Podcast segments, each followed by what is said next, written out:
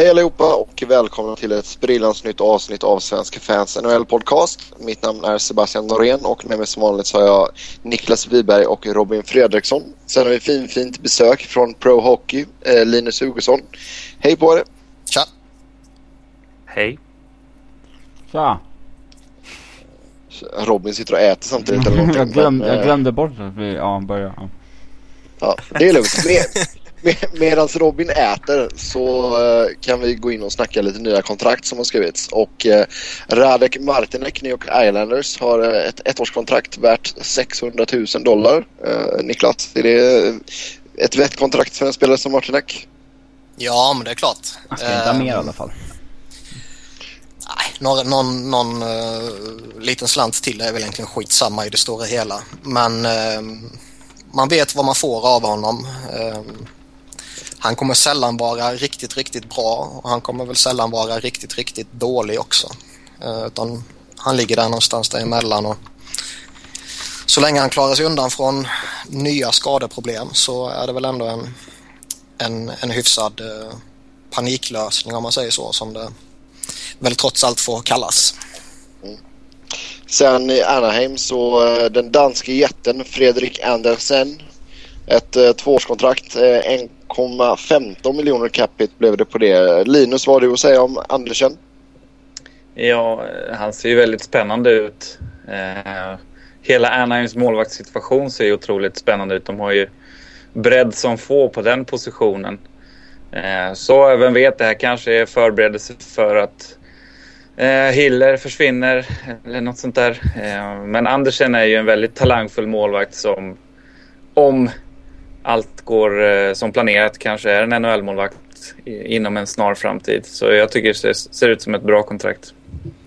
Det, det som är lite spännande det är ju om de vågar släppa Hiller och köra fullt ut på fast Andersen som ändå är ett, ett par som är lite, lite otryggt. Eh, med tanke på att det är väldigt eh, liten sample size om man säger så för paret. Mm. Ja, det stämmer ju, men fast... Ja, precis.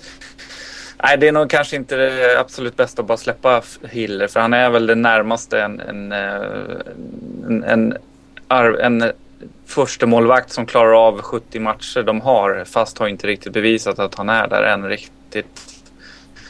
Så att, eh, ja, vi får se hur de löser det. Mm. Sen eh, en annan målvakt som det snackas om är ju Ricky DiPietro som kör ett tryout med Carolinas farmarlag i Charlotte. Och eh, betyder detta att vi får se DiPietro tillbaka i NHL snart? Man kan väl slänga rätt mycket skit på honom och det har väl slängts rätt mycket skit på honom. Men... Ja, han har inte den att hata målvakter.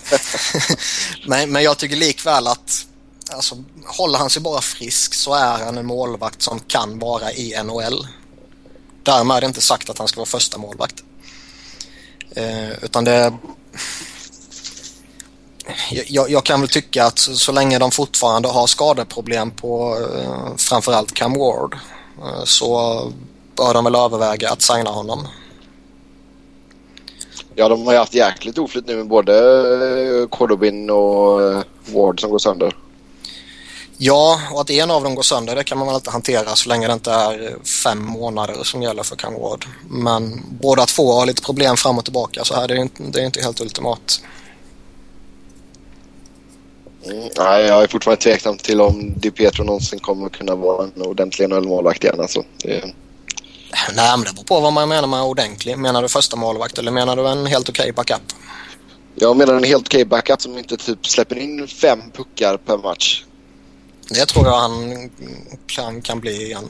Det är skillnad att få ett riktigt kontrakt och ett tryout-kontrakt i AHL-laget också. Så är det. Ja, det är ganska lång väg därifrån upp till att bli NHL-målvakt igen. Men, men om han... Om, jag tror ändå Wiberg har en liten poäng i att när han är frisk och kan släppa, släppa de tankarna i huvudet på att eh, jag inte är helt hundra riktigt utan han kan bara koncentrera sig på sitt spel så tror jag ändå att han kan vara en bra lösning för ett sånt här lag som Carolina är just nu. Akut behov av en utav en eh, målvakt när de har så mycket skador. Men eh, ja, de, är bara borta tre, fyra veckor eh, som längst här nu. Så att frågan är om det Prieto hinner hjälpa dem just nu. Det, det ställer mig väldigt frågande till. Ja, sedan så fick vi en hyfsat stor trade här igår. Matt Molson och New York Islanders första rundsval 2014 och andra rundsval 2015 i utbyte mot Buffalos Thomas Vanek. Och eh, spontana reaktioner på det Robin? Um, för Buffalo, eh, jättebra. Um, det var svårt att hitta någon som kunde ta Vaneks stora cap hit. Men de får alltså ett första rundsval, ett andra rundsval och en Matt Molson som de...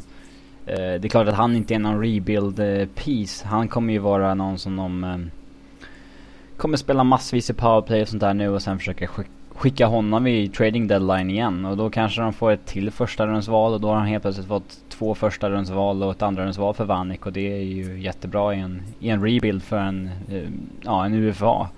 Eh, så att uh, jättebra för Buffalo säger och Darcy Rugier har ju visat tidigare att han är bra på att sälja spelare och få max värde för dem.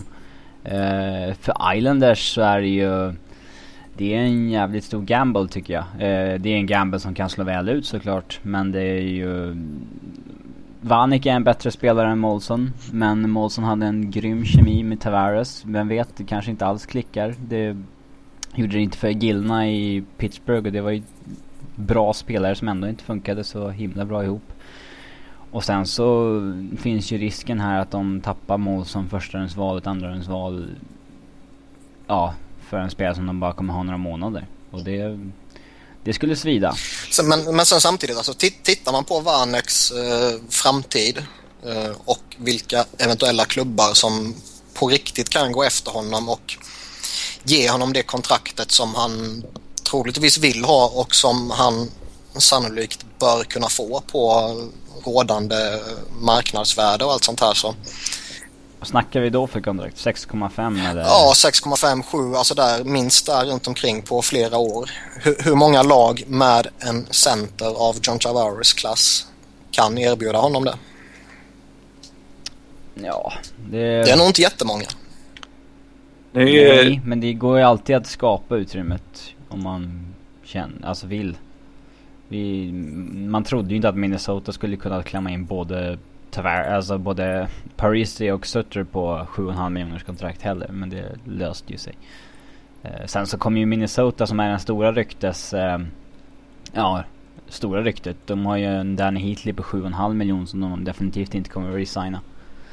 Det är väl mer, ja, den capen han tar över i så fall. Men kommer han spela med, Sak eller Saku Koivu höll jag på att säga, Mikko Koivu där liksom? För jag, jag, någonstans har jag svårt att tänka mig att han kommer hitta en bättre center någon annanstans än Tavares. Om de fungerar tillsammans och allt sånt här, det vet man ju inte men det tror jag nog de kommer göra. Men då är ju frågan, vill han, vill han vara kvar i Islanders eller vill han till en ännu större contender. Uh, Alltså det sägs ju att han typ halvt vill till Minnesota, han har hus där och sådär men alltså... Jo, jag vet. Eh, man ska inte räkna bort att Islanders har, det har varit en liten trend senaste åren att spelare som har tradats dit in, inte velat vara där men sen när de väl har spelat där ett tag så känner de att ja, det var ju rätt bra här faktiskt. Både Lubomir Wisnowski och Jevgenij Nabakov framförallt. Ja, stora skillnaden med Islanders nu jämfört med några år sedan det är att de faktiskt är på uppgång. De har ju någonting nu. Mm. Ny arena om en säsong också. Mm. Ja, jag tänkte säga det. Det lär ju vara skönt att få slippa den gamla skrutthögen de spelar in nu i alla fall. Mm.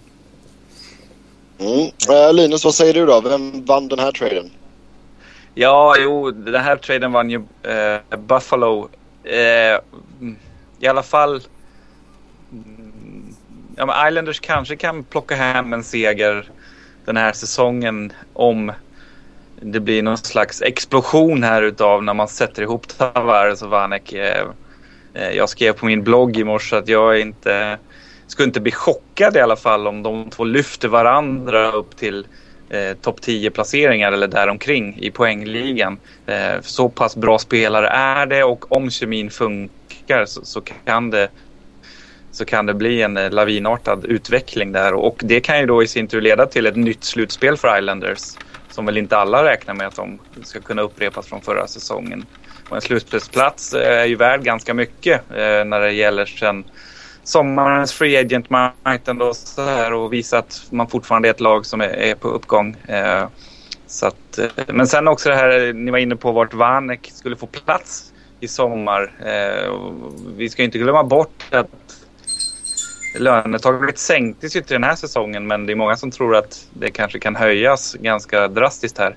Eh, när, för att NHLs intäkter går ju, verkar gå väldigt bra. Eh, så det kan ju bli att lönetaket höjs för alla lag med ungefär ett Vanek-kontrakt till sommaren. Ja, absolut. Sen, sen, får man inte glömma heller att skulle det inte bli någon eh, kontraktsförlängning mellan Islanders och Vanek så har de ju fortfarande möjligheten att skeppa ut honom och få tillbaka i princip vad de gav för uh, att få honom. Mm. För det, det känns väl lite som att skulle de skulle de sett en framtid med Matt Molson så skulle han skrivit nytt kontrakt ju. Mm. Fick man inte till ett nytt kontrakt med honom nu skulle man nog inte få det heller tror jag. Så han skulle nog försvinna oavsett kanske. Så då är det ju ingen förlust att göra sig av med honom och chansa med en Vanek istället. Och skulle det skita sig med förhandlingar med Vanek, ja då skeppar man honom. För känslan är att ja. hans värde vid deadline om han spelar med Tavares hela säsongen kommer ju inte vara mindre än vad det var i den här traden. Mm. Nej men det är helt rätt ja, resonerat alltså faktiskt på. nu när du säger Har han liksom uh, haft ett... Uh, har han liksom officiellt nobbat att förlänga med Islanders så vissa, det är väl vissa andra klubbar lite kanske tveksamma också att betala upp bra för en rental. Fast det beror på. Eh. Här, här har ju Islanders vad det verkar som tradat till sig honom utan att eh, snacka framtid med honom innan traden. Mm. Eh, ska, jag, ska man gå in och betala ett väldigt, väldigt dyrt pris för en spelare som Thomas Warneck framåt trade deadline då ska man ju prata med honom innan traden. Att Finns det någon chans att vi, vi kan arbeta fram en förlängning eller kommer det bara bli en rental? Och säger han då att nej, jag, jag kan tänka mig att spela för er i slutspelet men sen kommer jag inte vilja vara kvar. Då, då kommer ju givetvis priset justeras. Mm. Ja, mm. Det är väldigt intressant med en rental så här tidigt på säsongen faktiskt. Det leder till ganska ja, intressanta diskussioner eller scenarier som, som de vi sitter och pratar om här nu. Eh, och jag tycker du har en poäng där Wiberg att, att de kan ju faktiskt få tillbaka i alla fall ett första val tror jag i en ny rental utav Vanek vid trade deadline då om det skiter sig. Så att vi kanske inte ska döma ut Islanders för hårt i det här skedet ändå. Ja, nej, vi får se vad som händer. Det ska bli spännande att se vad Annika och Tavares ihop i alla fall. Om vi går på lite rykten här nu då så Alex Goligoski i Dallas eh, sägs att Stars är lite eh, trötta på att hans utveckling inte riktigt går som de hade förväntat sig. Och eh, alltså ska man pull the plug och trade honom? Det är väl alltid svårt framförallt med unga backar. Um, unga? Han är väl fortfarande 28. Är han så pass gammal alltså? Det känns som han är typ 24-25. Gammal 28 är ungt. Ja, lika gammal som mig. Nej. Nej men skitsamma. Men, men det, det, det är alltid svårt med, om, man, om jag får justera, det är alltid svårt med, med backar som har en väldigt hög potential men som sällan visar den potentialen oavsett om de är 24 eller 28. Um, För det, det, känns ju fortfarande som att han står och väntar på det här genombrottet. Och Frågan är hur, hur alltså, får han det här genombrottet om två månader eller ett halvår eller nästa säsong då kommer man ju ha en grym back i flera år. Eh, men sen samtidigt står han bara och tuggar och tuggar och tuggar så ja, då gör det ju ingen nytta och då är det bättre att, att göra sig av med honom så länge hans värde fortfarande är hyggligt, vilket jag tror det är. För jag tror fortfarande många som tror att han behöver bara den där sista eh, kicken för att verkligen blomma ut. Det, det är lite stökigt kontrakt ändå med 4,6 i capita och kan du UFA efter det. Eh, två, två och en halv säsong kvar bara. Fast är 4,6 så jävligt på eh, dagens marknad? Alltså, det beror på hur mycket lönetaget höjs. För han är ju inte en... Eh, alltså 4,6 då tycker jag man nästan ska vara och snitta på toppminuter i... eh, Ja, minst vara en trea eller någonting i en backbesättning. Och det, det är han väl inte i många lag. Nej, det är klart han, han ska ju vara topp 4 back utan tvekan. Ehm, men det finns ju... Alltså 4,6 det, det, det är ett kontrakt som jag personligen inte tycker ställer till det åt helvete mycket. Eh, framförallt inte som, som vi har eh, sagt tidigare idag, som vi sagt tidigare program också, när, när taket kommer öka så kommer ju det bli ännu mindre dåligt. Mm. mm. Ja, vi ska säga det också att Goligoski har någon form av eh, no trade-klausul Ja, no trade, i, i sitt kontrakt också. Så han sitter ju lite och bestämmer lite. Jag vet inte om det är någon lista på åtta lag som han inte vill gå till eller något sånt där. Jag kan inte tänka mig att det är en full no trade-klausul. Men, men eh, nej, jag ser... Han, det känns väl som han själv kanske skulle gärna testa någon annanstans Ja. också. För han har ju kört fast lite i Dallas. Precis. Eh, o, oavsett vart det blir egentligen. Men Har han varit petad utav eh, årets... Han, av Ruff? Nej, det har han inte va? Det var förra året han var petad i någon match. mig. han var, Kanske pe- får han en- var petad någon match här för inte så länge sedan. Den här säsongen alltså? Mm. Ja. ja då, då är det två coacher som, som har upptäckt någonting att det inte riktigt stämmer i hans spel. Då, då kanske man börjar tröttna lite på klubben. Eh, dags att gå vidare. Men eh, rent statistiskt så ser han ju inte säger, bra det- ut den här säsongen. Han har väl... eh, vad har han för något? Han har väl noll poäng och minus 10. Fast har, har de inte eh, spelat Golgoski tillsammans med Gonchar? Jag vet inte. Faktiskt. Jag, jag, för mig, jag har för mig det och det känns ju som ett hyfsat felbalanserat backpar. Ja. Goncha är minus 5. Ja. Eh, ja, jag vet inte. Fråga Ruff vad han sysslar med kanske men så dåligt ska det inte gå nästan oavsett tycker jag. Uh, just nu är han uppsatt på en hemsida här med i tredje backparet med Jordy Ben i alla fall. Okej. Ja, jag har sett Dallas för lite alltså, för att kunna uttala mig om honom i år. Men, men man vet ju att, som ni säger, han har ju ganska hög potential. Alltså. Men frågan är om, om de får ut så mycket för honom just nu ändå. Alltså. Det, är, det är lite wait and see på honom tror jag. Det känns som att han om ett par år skulle kunna snacka som, som en Sean Michael Lyles eller Ryan Whitney. En sån där som ingen, Ja. ingen vill ta i längre. Precis. Men eh, ja, han har ju fortfarande var li, lika tid på uppkallad sig. idag visserligen. Ja. Ja, om vi rör oss vidare då så eh, eh, Los Angeles Kings eh, sägs förbereda en roster move och eh, vad kan det röra sig om då? Niklas, har du några inside sources här eller? Jajamän. Nej, det har jag inte. Men, men eh, det snackades väl lite om att de vill göra plats för eh, någon av sina yngre förmågor.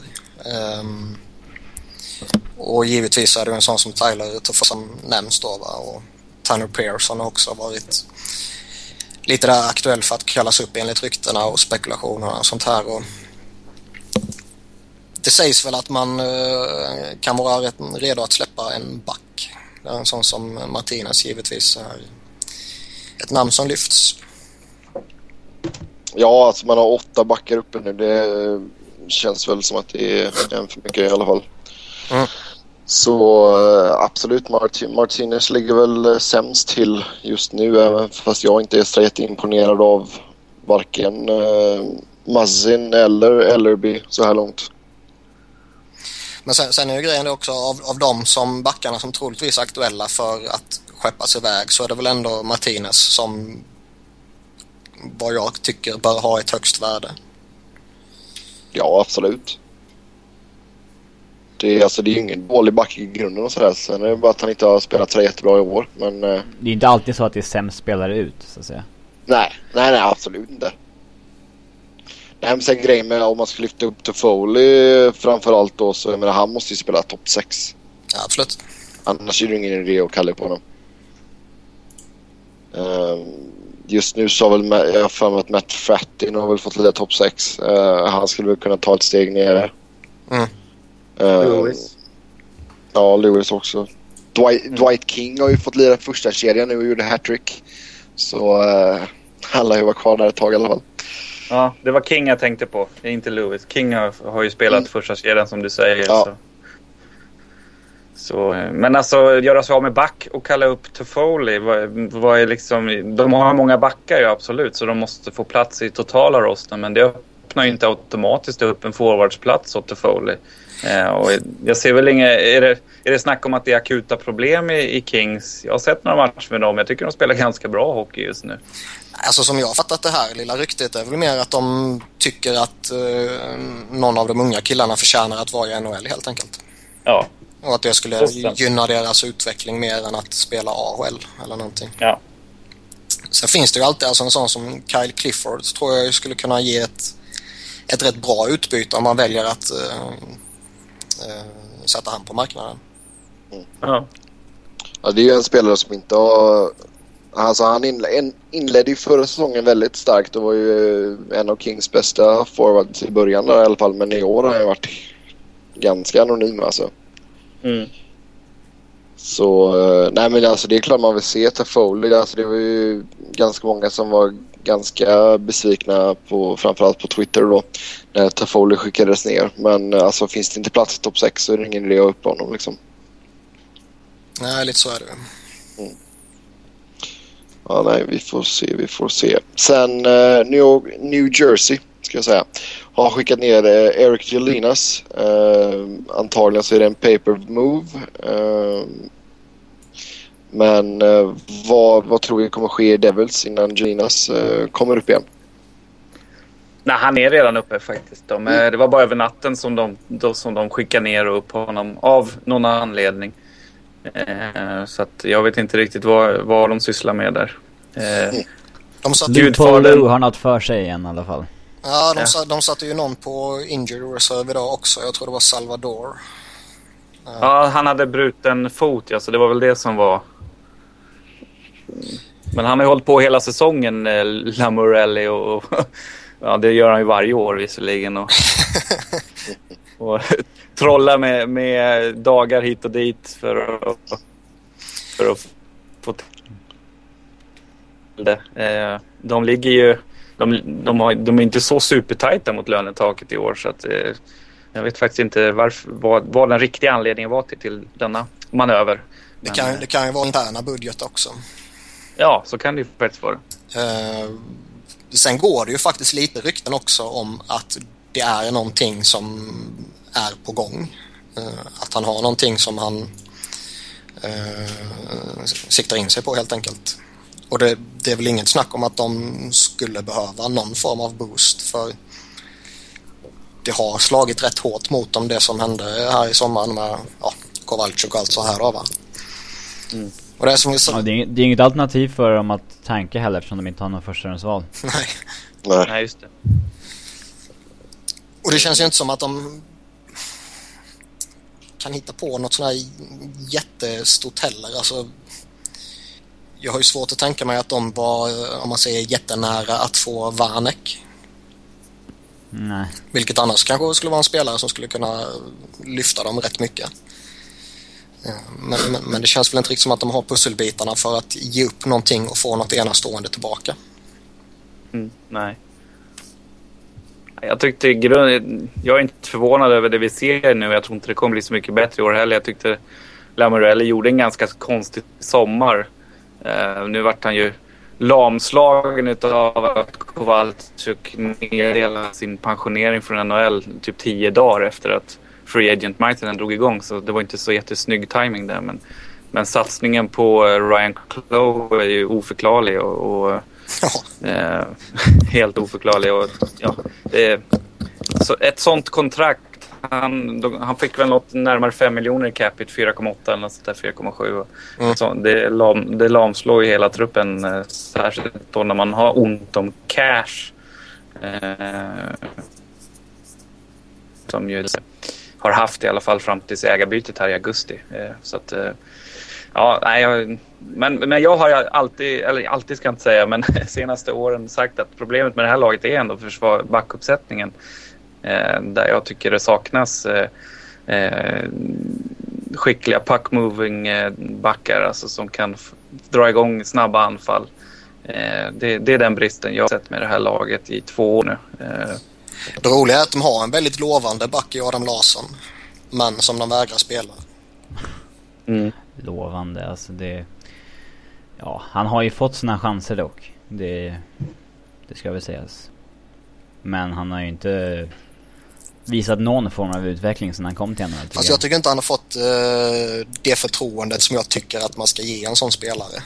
Ehm, det är inte, det är inte Brodin-hanteringen av honom direkt. Att in, med, in och spela första backpar med Ryan Suder, alltså toppbacken som kan lära dig allting. Liksom. Utan han har ju verkligen fått lära sig genom att sitta på läktaren lite nu och då och sådana där, den hårda, hårda vägen. Och det kanske har satt lite griller i huvudet på, på honom. Man måste ju vara otroligt psykiskt tuff för att klara av en sån, en sån behandling jämfört med Silkesvantes behandlingen som, som då Jonas Brodin har fått i Minnesota.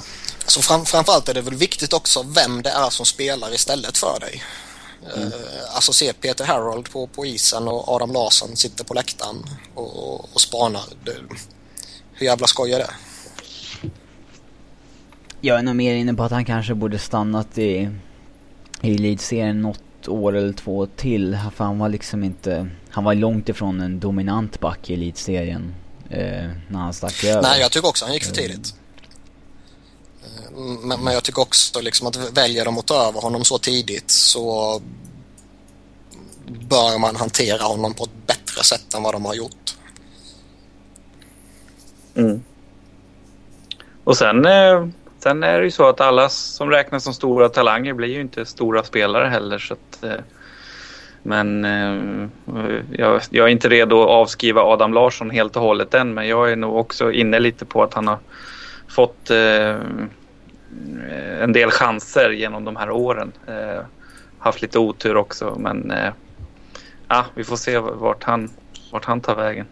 Ja, han är ju som, sagt, som Robin säger och Linus också. Han har ju fått några chanser så här. Det är ju, om man kollar på David Rundblad till exempel. Rundblad har ju, tycker inte jag, fått chanser riktigt. Han får ju sitta på läktaren hela tiden här nu. Mm. Ja. Så det är, vad som händer där. Eh, New York Rangers eh, sägs ha kollat läget med med Vaslav Prospal. Och eh, kan Prospal bidra med någonting eh, för Rangers? Alltså Rangers går inte direkt bra ju- just nu men gör Prospal dem till ett bättre lag? Alltså han är väl inte den här, eh, om man säger matchvinnaren som går in och, kommer vända mm, liksom deras lite halvsunkiga inledning på det sättet. Däremot är de väl nästan i en situation nu eh, att de behöver ta in all hjälp som finns tillgänglig i princip.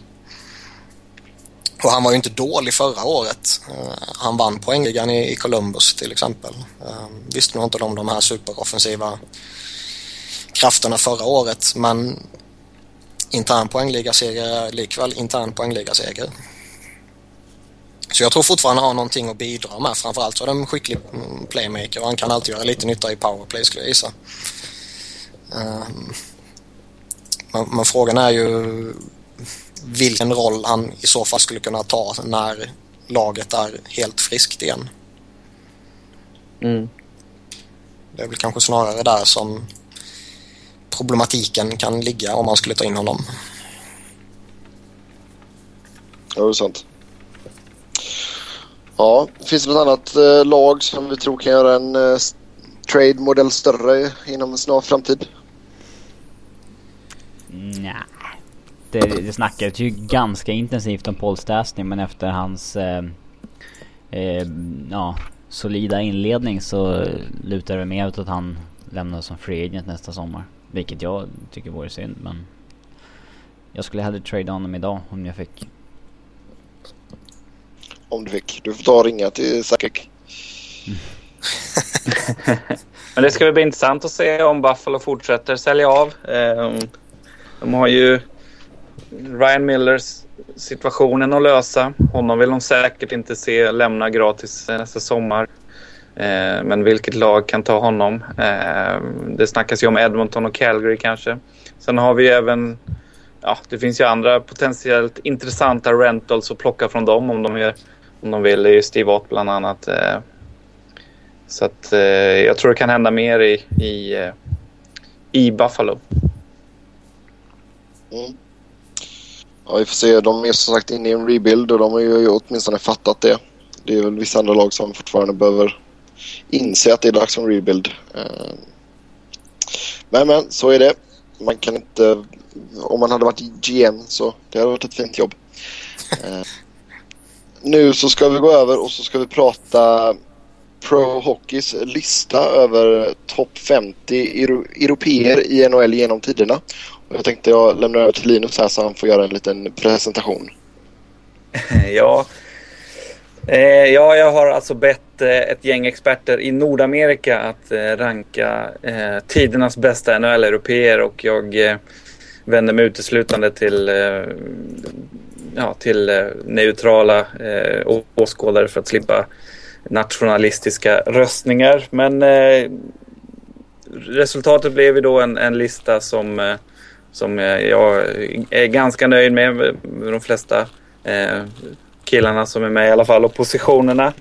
Och det har vi då presenterat i, i eh, numret som finns eh, ute i butik Eh, just nu. En sån här ranking är ju, tyckte jag, lite hade jag lite bävan inför att ge sig på för man ska inte bara göra det här lättvindigt eh, utan det ska ju ha lite tyngd bakom också. Eh, och det är väl upp till andra att diskutera hur, hur tungt det blev och, och sådär men eh, jag är nöjd i alla fall och inte så jätte oväntat kanske så hamnade Niklas Lidström överst. Eh, och jag hade förmånen att träffa Niklas eh, i augusti och göra segerintervju med honom. Och det var ju otroligt intressant eh, såklart. Är ni överens om det valet att sätta Lida sätta? Absolut. Ja, det är väl i konkurrens med Jaromir Jagr som kommer tvåa så att det, det, kan jag hålla med om. Sju Norris Trophies ändå högt. Jag, jag skulle ja. väl säga så att eh, Niklas Lidström är utan tvekan topp tre av tidernas bästa backar. Jaromir Jagr är väl inte på samma sätt lika självskriven om man börjar snacka forwards. Mm. Nej, det är svårt. Mm.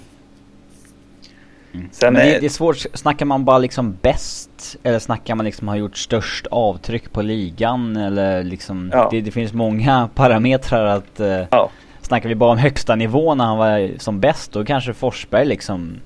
Ja, väldigt högt men Snackar vi över hela karriären då har ju Mats Sundin haft en mer Ja, en längre högsta nivå än Foppa garanterat. Ja.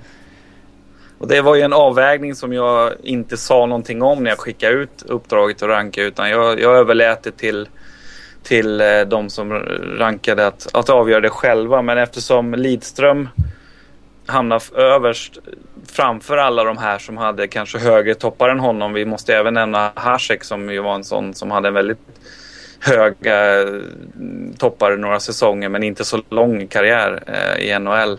Så, så, så, väger ju det här med 20 säsonger i slutspel och fyra Stanley Cup-titlar, sju Norris Trophy, alla, alla de här längd långa meriterna som han, som han samlar på sig under lång tid. Vad det jag skulle säga. Meriter som han samlar på sig under lång tid. Det väger ju ganska tungt ändå. Eh, men Jagr kom tvåa som sagt. Eh, fantastisk spelare som är still going strong. Eh, jagar ju 700 mål den här säsongen. Eh, jagar även 17 poäng och det är ju inte så... Det snackar man ju inte bara bort sådär. Sen så kom eh, Hasek då trea Hasek blev ju... Eh, han, kom in, han blev inte första målvakt i NHL förrän han var 28 år. Eh, men ändå så lyckades han samla på sig sex Vesina Trophies och några Hart Trophies. Så att, eh, det är ju en karriär som heter duga. Han fick sig OS-guld åt Tjeckien också. Sen så då, kanske den mest populära svenska genom tiderna, Peter Forsberg kom på kom på fjärde plats. Eh, tycker ni att det är för högt med tanke på att hans karriär inte var så jättelång? Ja, kanske lite högt. Eh, när han var som... Vi snackar, han vann ju ändå Hart Trophy. Det är liksom... Han var ligans bästa spelare när han var som bäst. Eh, det går ju inte att snacka bort men... Eh, ja, det... Det, det är mycket mer imponerande om man har en sån här 20 års karriär som, eh, som Lidström men... Eh, det är inte Foppas fel att han drabbades av massa skador och... Att de sista åren på karriären ser liksom taskiga ut för att han liksom inte gav Men det visar ju ändå så vilket jäkla eh, hockeyhjärta han har ändå. Att han fortsätter hela tiden. In i det sista. Ja, verkligen. Jag skulle vilja säga att han är rätt given på topp fem, men jag skulle inte ha honom som fyra, utan som femma. Vem är det du saknar? Jag saknar... Eh, Säg inte, säg inte nej, jag, saknar ingen på topp fem, utan jag vill bara byta position på fyran och femman. Okej. Så Du rasar alltså mot den fyran och femman ska bytas. Ja. femman då på rankingen är ju, är ju Jari Kurri och, och då, då kanske du också har det här perspektivet med längre karriär då eller? Ja, eh, egentligen. Och eh, alltså, så fort man nämner Jari Kurri så kommer väl folk alltid lyfta den här diskussionen att jo, men han bara hängde med Wayne Gretzky och han bara hängde med Edmontons framgångar och, och allt sånt här. Han var dåtidens Matt Ja, nej, men- med Tavares. Liksom lite så den jämförelsen är det ju faktiskt och jag tycker den är lite orättvis även om det givetvis är en, en, en del av sanningen. Men alltså så- som du sa, den här långa långa perioden som han trots allt gjorde 40, 50, 60, 70 mål över oavsett vilka kedjekamrater och vilket lag han spelade i. Det är, det är imponerande. Och som sagt, han- han vann ju några kuppar också. Jag tycker att det är svårt att jämföra Svårt att jämföra de här som eh, fortfarande är aktiva med de som har en karriär som man numera kan, kan summera. Mm. Ehm, en Ovechkin mot en Selene till exempel, den är den är svår att eh, välja mellan. Mm. Nej men så är det och liksom innan jag spelade in så att jag och Sebbe snackade lite om Malgin och det är också en sån spelare som i dagsläget eh, inte som jag ser det aktuell för någon, någon sån här jättetoppnotering på den här listan men som om tio år kanske är solklar tvåa till exempel. Han kanske är förbi Jagr då liksom. Ja, Mm. Och på tal om aktiva och, och hur man placerar dem så har vi ju Sellene som sexa då. Det, och då besvarar ju våra experter frågan om vem som är bäste finne genom tiderna med att sätta Curry före Sellene. Eh, och det kan man ju diskutera hur länge som helst för de har ju på ett sätt ganska liknande karriärer statistiskt. Nu har ju Sellene gått förbi Curry på senare år i antal mål totalt för han har ju hållit mycket längre än vad än vad Curry gjorde. Eh, och det är ju fascinerande med Sellen att han såg ju helt slut ut som 33-åring när knäna gav upp där. Eh, 2000 Colorado. Ja, i Colorado. Se- 2003. 16 målsäsongen. Ja, 16 mål gjorde han då. Och sen så opererade han knäna under lockouten och, och eh, ja, kunde inte åka skridskor alls överhuvudtaget trots att Jokerit ville ha honom eh, i comeback i Finland såklart. Men, men sen kom han ju tillbaka och gjorde närmare 50 mål någon säsong där efter, lockouten. 48 tror jag han kom upp i. Så att det, det är fantastiskt hur han har hållit i, i, över tid också. Och, eh, men, eh, och sen har vi då en spelare som Ovechkin som på sjunde plats eh, sätter vi honom. Och han tycker jag är jättesvår att bedöma. Just med tanke på att... Där snackar vi dock avtryck på ligan. Han har ju liksom varit face av hela ligan tillsammans med Crosby i fem år. Mm, precis. Och sen hur många fler 50 målsäsonger behöver han göra innan han liksom klättrar ännu mer på listan? För varje gång han passerar 40 mål en säsong nu så kommer han ju klättra lite till. men då är frågan också hur mycket ska man involvera lagets framgångar? Ehm, ska en, en eller två cupsegrar väga mer än kanske bara personlig framgång? Ja, där har vi ju den stora grejen mellan Foppa och Sudden till exempel. Där att Foppas Colorado vann ju mycket mera eh, än vad hans Toronto gjorde. Eh, det är svårt att svårt att väga in men det är klart att en- en Stanley Cup i Ovechkins eh, skåp skulle ju inte skada hans ranking. Mm. Li Han skulle ju förmodligen vara den spelaren som driver dem dit också. Ja, ja. Lite är det ju så med Lidström att man kopplar ju Detroits excellens med hans, hans excellens under de här 20 åren. Liksom. Men, men, eh, och vi vet ju med Sudden att Toronto hade ju en ganska inkompetent lagledning i många år. Eh, Men samtidigt när de var, hade ett bra lag och gick långt i slutspel så var det ju något som saknades för att ta dem hela vägen fram. Och, och vem vet, det kanske var Nu kanske jag hädar här då i, hos någon, men det kanske, om vi byter ut Sudden mot Foppa ett sånt år när de var bra, vad, vad hade det gjort för dem i, i Stanley Cup-slutspelet? Eh, Eller så behövde de upp, en uppgradering från Jonas Höglund bredvid Sundin. ja, precis. Inget ont om Jonas Men Höglund. han kom inte med på våran lista faktiskt, Höglund. Nej. Det. eh, vi, vi går vidare. Han var ju med när de gick som längst tror jag. Vad sa du? Jag tror att han var väl med när de gick som längst, Ja. Höglund. Ja. Typ 02 eller någonting. Ja, och då var ju Sudden skadad i slutet också ska vi ju säga. Så att, eh, eh, men eh, på åttonde plats hittar vi eh, Börje Salming. Den svenska pionjären som ju banade väg för många europeer i, i NHL. Genom sin långa karriär tog han ju död på myten av europeer som, som fegisar, chicken swedes. Eh, och han hade ju en fantastisk karriär, dock utan att vinna något eh, stort, eh, varken själv eller, eller, eh, eller med Toronto som ju var miserabelt under hans, eh, i alla fall senare hälften av hans karriär där. Eh, han kom på åttonde plats. Ska man eh, ranka honom Eh, Eh, det är ju definitivt för att han har den här unika positionen i NHL-historien som han har hamnat så högt. För om man tittar på statistik och på utmärkelser så står han sig ju inte mot, mot eh, till exempel Federer som kommer efteråt. Vad, vad säger ni om Salmings placering? Alltså jag kan ju köpa den. Jag tror att det är eh, många av de som du antagligen har frågat här kommer ihåg. Vi kommer inte ihåg Salming tyvärr. Det är ju, man får ju kolla YouTube och sådana grejer. Men alltså det är som du säger en pionjär liksom. Det, det väger ganska stort alltså. Första europé att väljas in i Hall of Fame Mm. också. Sen, sen får man ju inte Eh. glömma att tittar man historiskt på Torontos eh, poängliga, alltså över hela karriärer och antalet matcher spelade och assist och allt sånt här så är han ju uppe i toppen där ju. Mm. Och den aspekten tror jag väger väldigt, väldigt tungt när man tittar på um, europeiska spelare. Är det någon europé som är väldigt, väldigt högt upp i väldigt många sådana här kategorier i framförallt eh, de klassiska lagen så Mm. jag, jag tror det väger väldigt, väldigt tungt. Mm. Det, hur annorlunda hade det varit ifall liksom Salming inte led i, ja, hockeyns huvudstad? Mm. Hade han haft, hade, jag tror inte att han haft samma kultstatus Nej, det skulle han inte. Nej. som, eh, det tror jag absolut Mm, inte.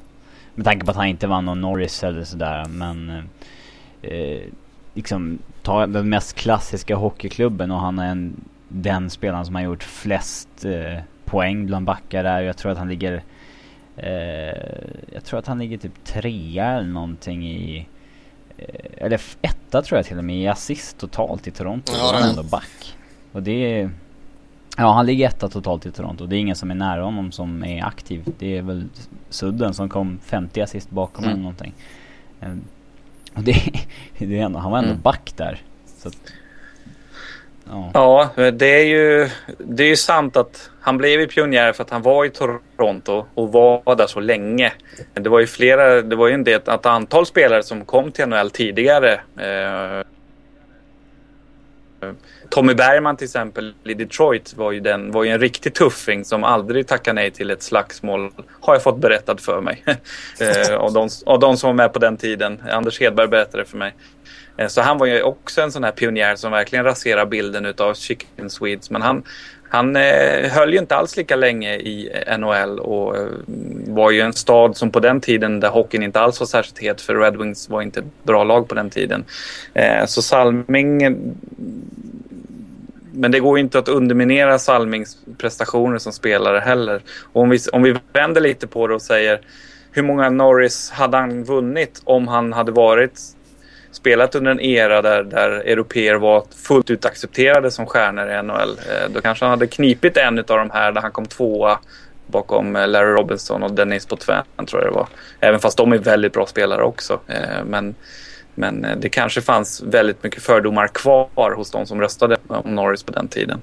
Ja framförallt så spe, ja, han spelade ju under en tid där eh, ja, Bobby Orr vann ju de första till och med och Danny Potvin och sen Larry Robinson. Och det, mm. han, det var lite skaplig konkurrens där. Jag vet inte om han var no nominerad Precis. någon gång eller sådär men... Ja han kom tvåa två gånger. Okej. Okay. Det måste ju varit de här första åren ja. han gjorde nästan en poäng per match. Uh, ja. Ja. Det, det var tuff han... konkurrens med, ja men Lidas sju Norris Trophy det, det, det slår ändå mycket, mycket högre. Det. Mm. Jo men sen tror jag inte, alltså jag tror vi kan ha hyfsat svårt att förstå hur, alltså hur populär Börje är i Toronto också. Ja, alltså han kan, ju, han kan ju fortfarande inte gå på stan där utan att någon kommer upp. Mm. Han behöver nog inte betala för många middagar där. Nej. Nej. Nej, Börje ska vi respektera och jag är faktiskt ganska glad över att han kom så pass högt upp i alla fall. Eh, det säger en del om, om hur de här nordamerikanerna ser på, på honom och hans betydelse för, för, eh, för alla europeer som sagt. Så att, eh, börja åtta, sen nionde plats Sergej Fedorov, eller Fjodorov som man ska säga. Nej, Fedorov ska man säga. Det är, ja. det är, bra. Det är, det är inte Hockeysverige det här Linus. Nej, okej, okay, okej. Eh, okay. Fedorov som vi skriver i Pro Hockey, han hade ju en väldigt fin karriär som även var kantad av en del kontroverser, kontraktsbråk, eh, romanser eh, och eh, ja, lite sådana grejer som väl kanske var lite eh, sänkte hans rykte lite grann. Eh, han blev ju aldrig ac accepterad etta i, i Red Wings. Eh, även fast han kanske några år var mer talangfull än vad Steve Eisenman var. Eh, så var det ändå Eisenmans klubb eh, under hela tiden Fedorov var där. Eh, men eh, icke desto mindre en fantastisk karriär och han, han eh, vann ju poängligan i slutspelet några gånger. Eh, fyra raka säsonger med minst 20 poäng i, i slutspelet. Eh, och eh, ja, över nästan 1200 poäng i karriären och han höll ju ut länge också. Var ju viktig för Ovechkin och Washington sista åren i karriären också. Vad säger ni om Fedorov? det som imponerade mest med honom det var väl mångsidigheten. Han var väl mm. egentligen skitbra på allting. Han gick väl ner som mm. back någon gång? Ja, ja. absolut. Och jag menar, han, han, kunde spela alla positioner, alla roller, ta vilken uppgift som helst och ja. kunna göra det som... Visst, nu kunde ju Iceman det också liksom, men att kunna göra det som en, en stjärna och som ja, den här offensiva skickligheten som han ändå hade, det Gör man det så tycker jag att det säger mycket om ens karaktär. Även om, mm. som, som du var inne på i början, det var lite, lite saker runt omkring som också drog namnet lite i smutsen känns det som. Mm. Vi har ett kul citat i rankingen från eh, Jimmy DeVelano, den legendariske managern i Detroit. Han säger att eh, Fedorov han hade vunnit Norris Trophy om vi hade behållit honom på backpositionen. och det kanske lägger någonting i det för att han var så pass skicklig som back också. Ja. Eh, men det var bara tillfälligt på grund av skador som han var nere. Eh, sen med Fedorov, en liten kul detalj från hans karriär var ju när han, bråk, när han gjorde en holdout där eh, efter Stanley Cup-segern 97 ville han ju ha massa pengar och då fick han ju ett offer sheet från Carolina eh, som, eh, som Detroit till slut kände sig tvungna att matcha. Och det var ett otroligt framtungt eh, offer sheet med en e-, enorm eh, signing bonus. Eh, och han skrev ju inte på det förrän sent i säsongen så han spelade bara 43 matcher det, det året inklusive slutspel men fick totalt 28 miljoner dollar. Eh, som fortfarande är rekord för, för en årslön för en NHL-spelare. Ja, det så. var ju inte illa pinkat. Nej, det är bara att gratulera. Ja. Bra timlön med bara 40 matcher. Ja, alltså. Nej men alltså han var ju otroligt bra. Alltså, jag vet inte hur, hur många gånger gjorde han över 30 mål i Detroit? Var det åtta eller nio säsonger? Eh, det var...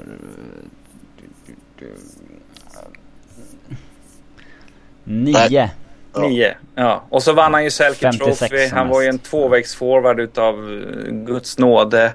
Och det roliga, eller liksom en bra bild på hans talang som hockeyspelare kan man ju ta av att han vann ju eh, både skills-tävlingen för snabba skridskoåkning och hårda skott vid All-Star-matcherna. Så att han hade ju verkligen ett brett spektra i sitt spel. Eh, men eh, vi går vidare. Nummer 10. Där har vi en annan ryss, Pavel Bure. Eh, som ju var en fantastisk målskytt. Eh, slog igenom i, i Vancouver. Och eh, var, ju- spelade i samma kedja som Fedorov i, i Moskva innan de gick över till NHL. Eh, och han, han gjorde ju mycket mål för alla klubbar han spelade i. Eh, inte minst då hans år i Florida är ju ganska imponerande statistiskt när han spelade ett skitlag men ändå gjorde flest mål i NHL. Eh, vad säger ni om Bure? Alltså det man Alltså- kan säga det är väl lite samma resonemang som Foppa.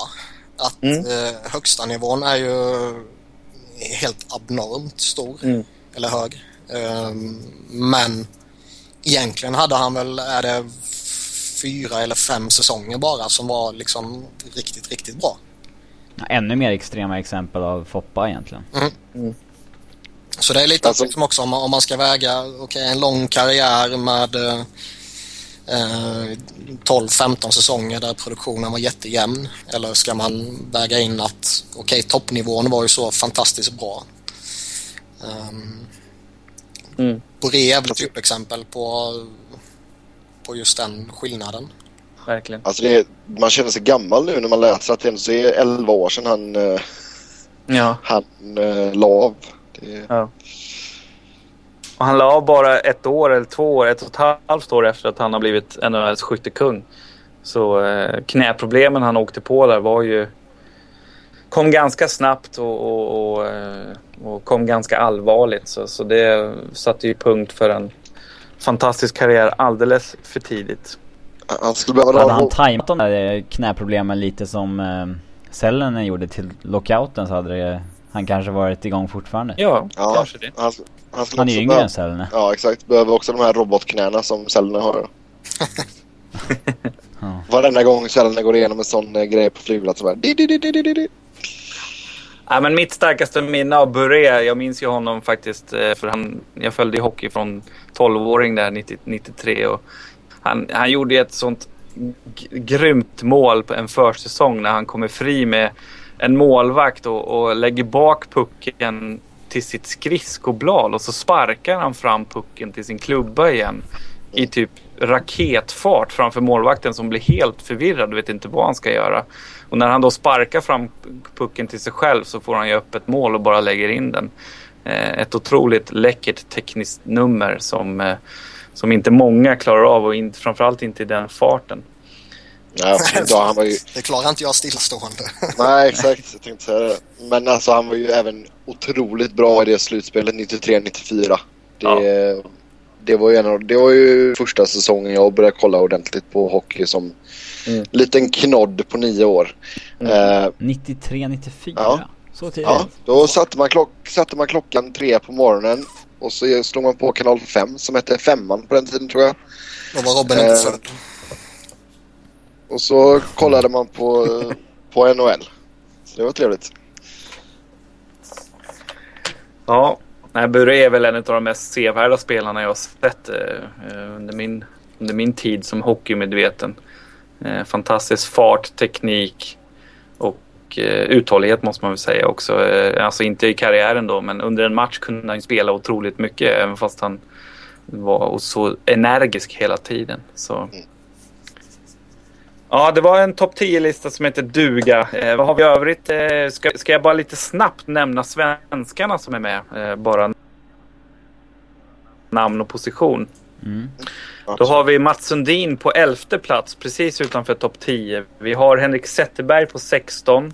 Henrik Lundqvist 17. Daniel Alfredsson 18. Henrik Sedin 19. Eh, Daniel Sedin 23.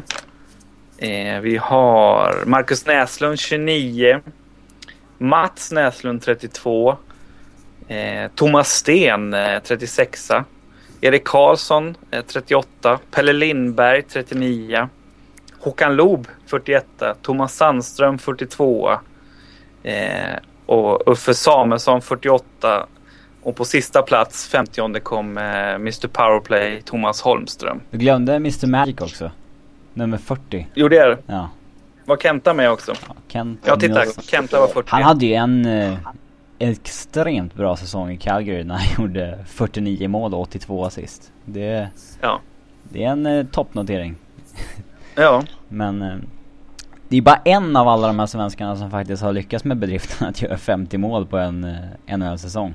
Det är, Precis. Det är inte många som, man tror ju att Foppa kanske lyckas med det, Sudden kanske, Zäta kanske, Alfredsson kanske, Daniel Sedin kanske, Näslund men alla har ju typ varit över 40 mål. Men det är ju bara en som har crackat 50 målsbarriären. Och ja, Linus vet nog vem det är men kan ni andra gissa? Eh, Håkan Loob. Ja, Ja. Han gjorde exakt 50. Han satte sista målet i sista matchen för säsongen där. och 87-88 för mig det var. Mm. Eh, Så det är den enda sven- Om man jämför det med Finland eh, så, så får vi ju skämmas rejält. Där de har Sellenes och Curry. De har väl gjort över 70 båda två. Eh, och ett par, och Curry gjorde några över 60 också. Så att, ja, det, det här är något som vi verkligen... Och jag ser ju egentligen ingen idag heller som, som har den här självklara kapaciteten. Eller självklara, det är ingen som har självklar kapacitet att göra 50 mål. Det är väldigt mycket mål i dagens NHL. ja det är Men- svårare nu, det ska ju tilläggas. Ja, om det man skulle tittar väl på... vara Stamkos typ. Ja men han är inte Ja. svensk. Om man, Nej men alltså jag menar om du kollar på spelare överhuvudtaget. Men eh, det var väl, eh, var väl Mats Wennerholm som sa att eh, Jakob Silverberg har en talang som Bobby Ryan inte är i närheten av. Och om Bobby Ryan gör 30-40 mål så borde väl Silverberg, ja, vara 50-60 i så fall. Ja, jag vet inte vilken auktoritet du ger Mats Wellenholm och i scoutingfrågor. Men, men absolut, alltså, Silverberg skulle kunna faktiskt utvecklas till om man får en renodlad sniperroll. För det Ja, har vi verkligen. sett vilket, vilket handskott han har. Men, men eh, inte den här säsongen och kanske inte nästa heller. Men, Ja.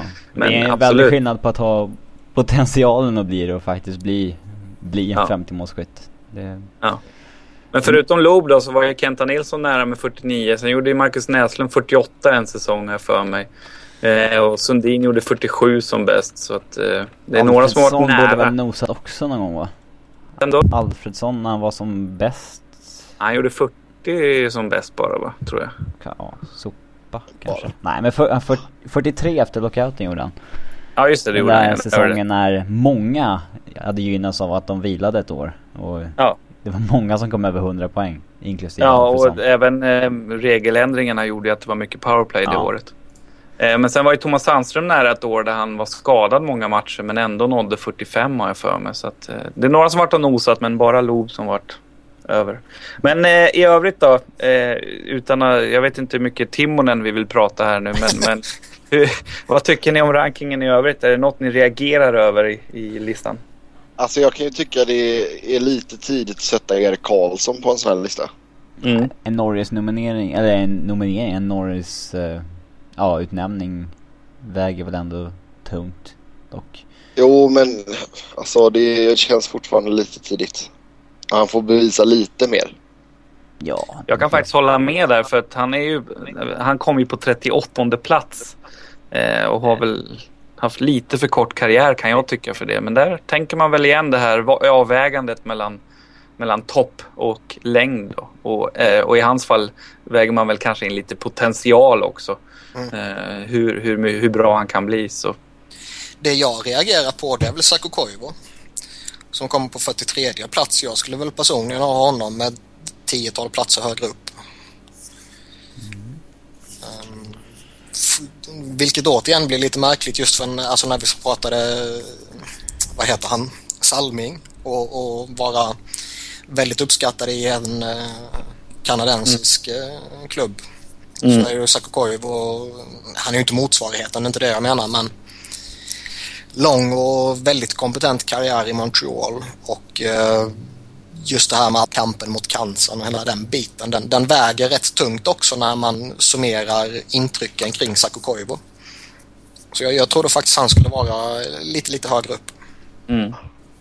En annan sak som kanske väger tungt med Sakko Koivu är att han blev ju den första lagkaptenen i Canadiens historia som inte lyckades vinna Stanley Cup med klubben under sin tid där. Ja. Det är en god poäng.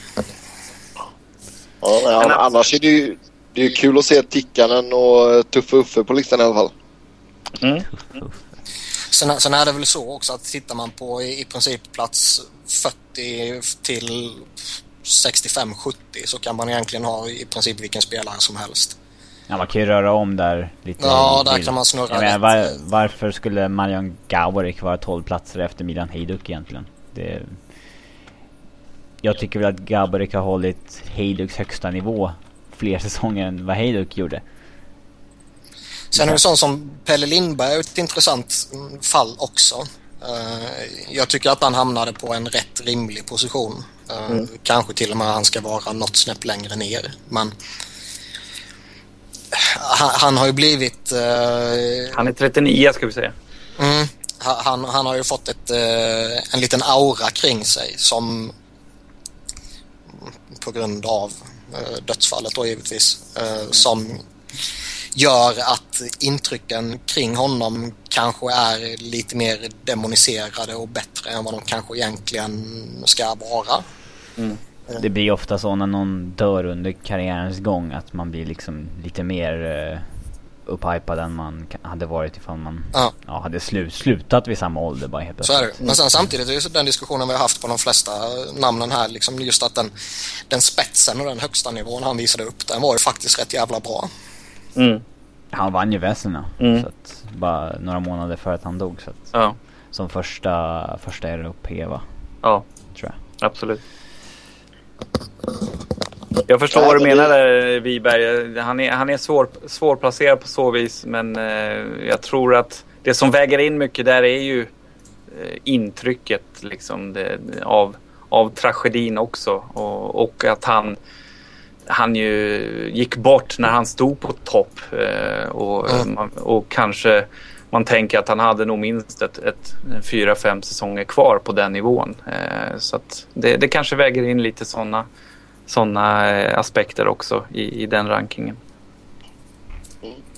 Yes, uh, vill ni läsa mer om rankingen så plocka upp nya numret av Pro Hockey vi eh, tackar för oss för den här veckan. Som vanligt så vill ni köta hockey med oss så går det jättebra att göra det på Twitter. Mig hittar ni på att Noren. Niklas hittar ni på att Niklas Wiberg, Niklas med C och enkel-V. Robin hittar ni på R underscore Fredriksson. Och Linus hittar ni på Linus Hugosson i ett ord. Tack så jättemycket för den här veckan. Ha det gött. Hej! Hej! Hej! Hej!